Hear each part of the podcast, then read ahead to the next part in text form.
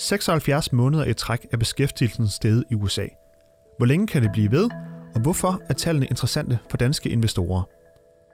Donald Trump har været i problemer, men blev reddet på målstregen af vicepræsident Mike Pence. Vakler stolen allerede under den nye præsident? Den internationale valutafond IMF opfordrer Tyskland til at eftergive en del af Grækenlands gæld. Men hvordan har markederne reageret på det? De spørgsmål vil Nykredits chefstrateg Frederik Ingholm gør os klogere på i dag, inden vi til sidst skal kåre ugens tweet. Du lytter til Nykredits podcast. I studiet er Kasper Sagmann og Frederik Ingholm. Den øh, amerikanske jobrapport øh, kom ud i fredags. Det er den, der også bliver kaldt kongen af nøgletal, og den viste, at der var blevet skabt 227.000 nye job i USA i januar. Økonomerne havde regnet med 175.000. Det her tal, helt grundlæggende, hvorfor er det, at det er interessant for, for danske investorer? Jamen, arbejdsmarkedet er, er et helt afgørende øh, fikspunkt for markedet lige nu, af mange grunde, men øh, først og fremmest fordi, at, øh, at det fortæller os, udviklingen på arbejdsmarkedet fortæller os noget om, hvor meget der er tilbage i opsvinget. Øh, for det første så er det interessant at se, om der bliver ved med at blive skabt jobs. Øh, det er også interessant at se, og det kommer også i arbejdsmarkedsrapporten, hvor lav arbejdsløsheden er blevet, altså om der stadig er, er ledige hænder at tage af, dybest set. Og en anden indikation på det øh, er lønvæksten, som jo giver en indikation af, hvorvidt virksomhederne er nødt til at konkurrere meget hårdt om arbejdskraften. Stigende lønvækst, høj lønvækst, giver et billede af, at øh, virksomhederne virkelig skal ud og kæmpe med næb og klør for at få fat i de rette medarbejdere. Og, øh, og, og det betyder noget for, hvor USA er i opsvinget. Og igen, så er det afgørende for, øh, hvordan den amerikanske centralbank skal agere. Er vi langt inde i opsvinget, har vi snart ikke flere ledige hænder, så begynder inflationen at pege opad, og så strammer, arbejds, eller så strammer centralbanken politikken øh, mere aggressivt, hæver renterne. Ja, fordi vi kan jo se her i januar, at arbejdsløsheden er nede på 4,8 procent. Øh, hvor langt ned kan den komme? Jamen, det der er lidt specielt med det her øh, arbejdsløshedstal, det er, at, at det fortæller os jo, hvor mange, hvor, hvor, hvor mange af dem, der er tilmeldt sig arbejdsstyrken, som er ledige lige nu. Øhm, humlen er bare, at der er formentlig nogle amerikanere, som ikke er en del af arbejdsstyrken lige nu, som gerne vil have et arbejde. Det ved vi fra andre tal. Og det, derfor så, øh, så er det, arbejds, øh, det, undskyld, den arbejdsløshedstal i sig selv fortæller det ikke hele historien. Vi regner med, at det tal kan blive på det her niveau, øh, samtidig med, at der bliver skabt nogle jobs, simpelthen fordi der er flere, der går ind og tilmelder sig arbejdsmarkedet igen, altså simpelthen stiller sig op i køen af folk, der gerne vil have et job. Øh, og det er folk, der tidligere måske i, i 4-5 år har stået uden for den kø, og dermed ikke er blevet registreret som arbejdsløse. Så, så det tal fortæller ikke hele historien. Det er faktisk en af de grunde, øh, en af de afgørende grunde for, at vi tror, at, at arbejdsmarkedet ikke er så stramt, som nogle af tallene kunne indikere, og dermed også, at den amerikanske centralbank kan være mere øh, varsom og mere lempelig øh, i længere tid, og, og holde renterne sådan nede, eller i hvert fald stramme den forsigtigt i lidt længere tid. Og de her arbejdsløshedstal er også øh, interessante, fordi Donald Trump, øh, den nye præsident, har jo sagt, at han vil ud og skabe øh, 25 millioner nye jobs. Og når vi kigger i rapporten, så kan vi se, at der er faktisk lige nu kun 7,6 millioner ledige amerikanere, det hænger jo ikke helt øh, sammen, kan man godt sige. Nej, man kan sige, at nogle, nogle, nogle nye ledige kunne, kunne netop komme til, fordi der er nogen, der står uden for, helt uden for arbejdsmarkedet, som i virkeligheden har lyst til at arbejde. De har bare givet op, og de er ikke, fordi de ikke er, er berettiget i nogen øh, offentlige ydelser, så giver det ikke nogen speciel mening at stille sig i arbejdsløshedskøen, hvis ikke man tror, man kan få et job. Men jo mere arbejdsmarkedet strammer til, jo mere kommer de her folk tilbage ind og begynder aktivt at søge efter jobs igen. Så der er nogle ekstra hænder at stjæle fra. Øh, men man kan sige, det virker stadigvæk meget usandsynligt, at der skulle være så mange hænder at tage af. Så, så, så vi tror ikke på, at der kan blive skabt så mange jobs, selvom der er noget befolkningsvækst i USA. Også fordi, at noget af det, der tidligere har bidraget til beskæftigelsen i USA, det er jo også, at der kommer nogle indvandrere ind i USA. Og, og den indvandring stiller Trump sig ret skeptisk overfor. Øh, han har direkte troet med at sende nogle af dem tilbage igen. Øh, og det er altså folk, der, der, der arbejder i USA og betaler skat i USA. Det er ikke folk, der bare har sort arbejde, selvom de er illegale indvandrere. De indgår altså fuldt ud i det amerikanske arbejdsmarked. Så hvis man vil kombinere de politikker, så bliver det stort set umuligt at, at, at skabe alle de jobs, Trump gerne vil, og i det hele taget opnå den vækst på 4%, som han også taler om at ville. Og så skal vi videre til et andet emne med Donald Trump. Øh, han havde indstillet en kvinde, der hedder Betsy DeVos, til at blive ny uddannelsesminister, og da det så skulle stemmes igennem senatet, så kom han lidt i problemer. Hvad var det, der helt præcis skete der? Jamen, øh, i, løbet af, i løbet af ugen her, der så, vi, der så vi nogle af de udfordringer, Trump han står overfor. Øh, jamen, det viser sig, at han havde svært ved at finde opbakning til, til, til Betsy DeVos. På trods og, af, at republikanerne faktisk har flertal i senatet. Ja, det er det, der er det specielle, at, at afstemningen i senatet, de 100 senatorer, de fordelte sig 50-50, på trods af, at der er flertal blandt republikanerne.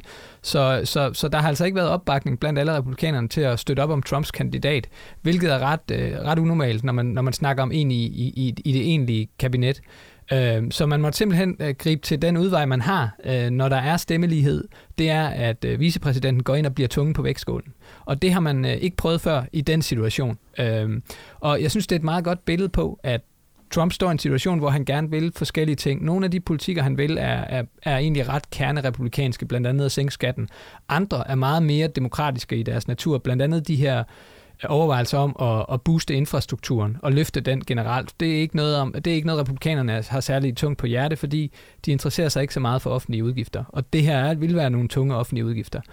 Humlen er bare lidt, at det her kunne være en indikation på, at bare fordi man har et flertal bag sig, i både, både i, i, øh, i begge kammer i kongressen, øh, af republikanere, så er det ikke det samme som, at man bare kan få alt igennem. Det synes jeg, det her var en meget fin indikation af, at det kan blive sværere end som så for Trump at få elementerne i sin politik igennem. Ja, hvordan er det kommet der til, at to af hans egne øh, partifælder, var det to øh, kvindelige senatorer, øh, gik ind og, og gik imod øh, den her nominering?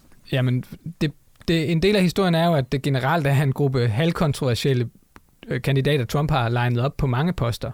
Øh, og så kan man sige, generelt så, så er han bare kommet på kant med mange af politikerne allerede, eller alle senatorerne allerede.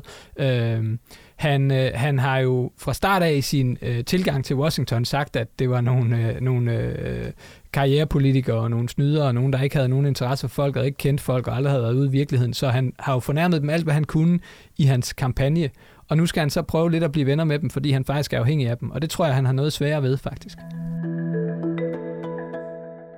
Der blev skrevet endnu et kapitel i historien om, om den græske krise den her uge, da der var møde i IMF i mandags, og øh, den internationale valutafond, som det jo er, de, de gik ind og indstillede til, at de internationale kreditorer øh, her i blandt Tyskland, de skal gå ned og nedskrive nogle af de penge, som de har lånt til, til Grækenland. Øh, hvordan har markedet reageret på, på den her udmelding fra IMF?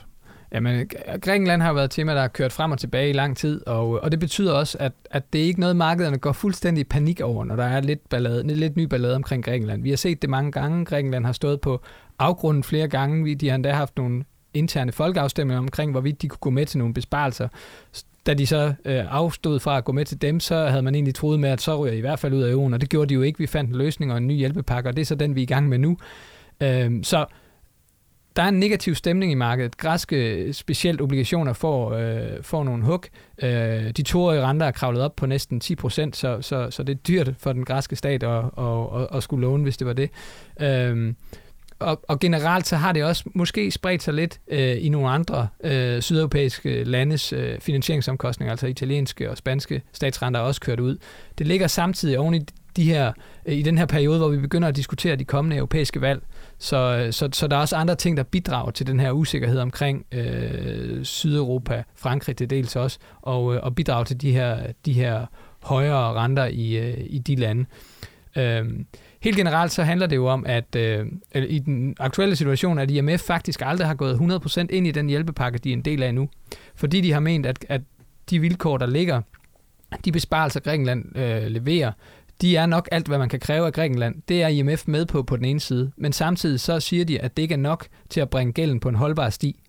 Så der skal i virkeligheden enten flere besparelser til, og det kan IMF godt se, jamen det kan Grækenland nok ikke klare. De kan simpelthen socialt knække over på midten. Øh, eller også så er vi nødt til at forholde os til den anden del af det, nemlig gældsbyrden.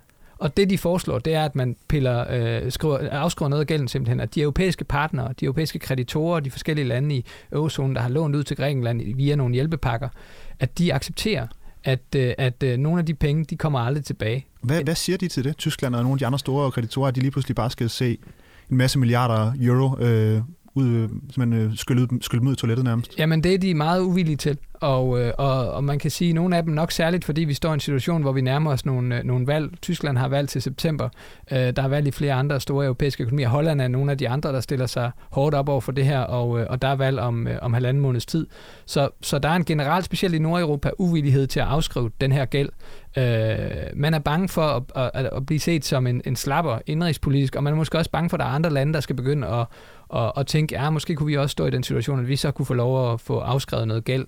Øh, så man er simpelthen bange for, om det er for udisciplineret dybest set. Selvom jeg tror faktisk, de fleste økonomer, også i Tyskland, vil være enige i, at den gældsbyrde, Grækenland har på nakken, den er så tung, så den kommer de ikke til at kunne bære lige meget hvad. Spørgsmålet er nok bare, hvornår man skal vælge at afskrive noget af den.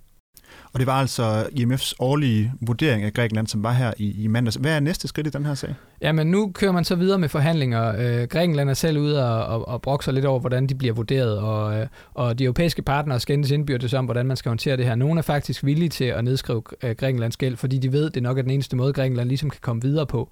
Man skal huske, at den tunge græske statskæld, den betyder også, at andre investorer afholder sig fra at investere i Grækenland, fordi de ikke ved, hvad der sker med det her i fremtiden. De er bange for, at græsk økonomi kollapser. Så får man fjernet noget af gælden, så får man nok også skabt en større appetit på øh, internationale investeringer i Grækenland.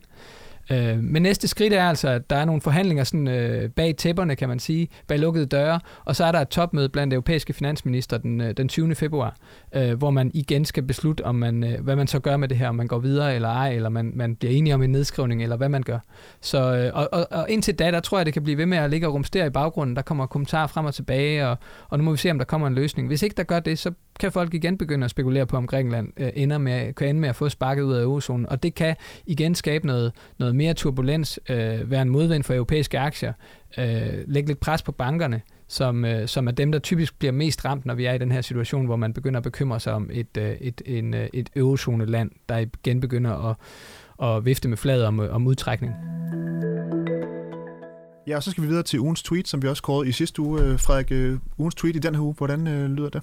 Ja, det er Donald, Donald Trump, der skriver, at uh, Trump-administrationen bliver set som mere troværdig end medierne.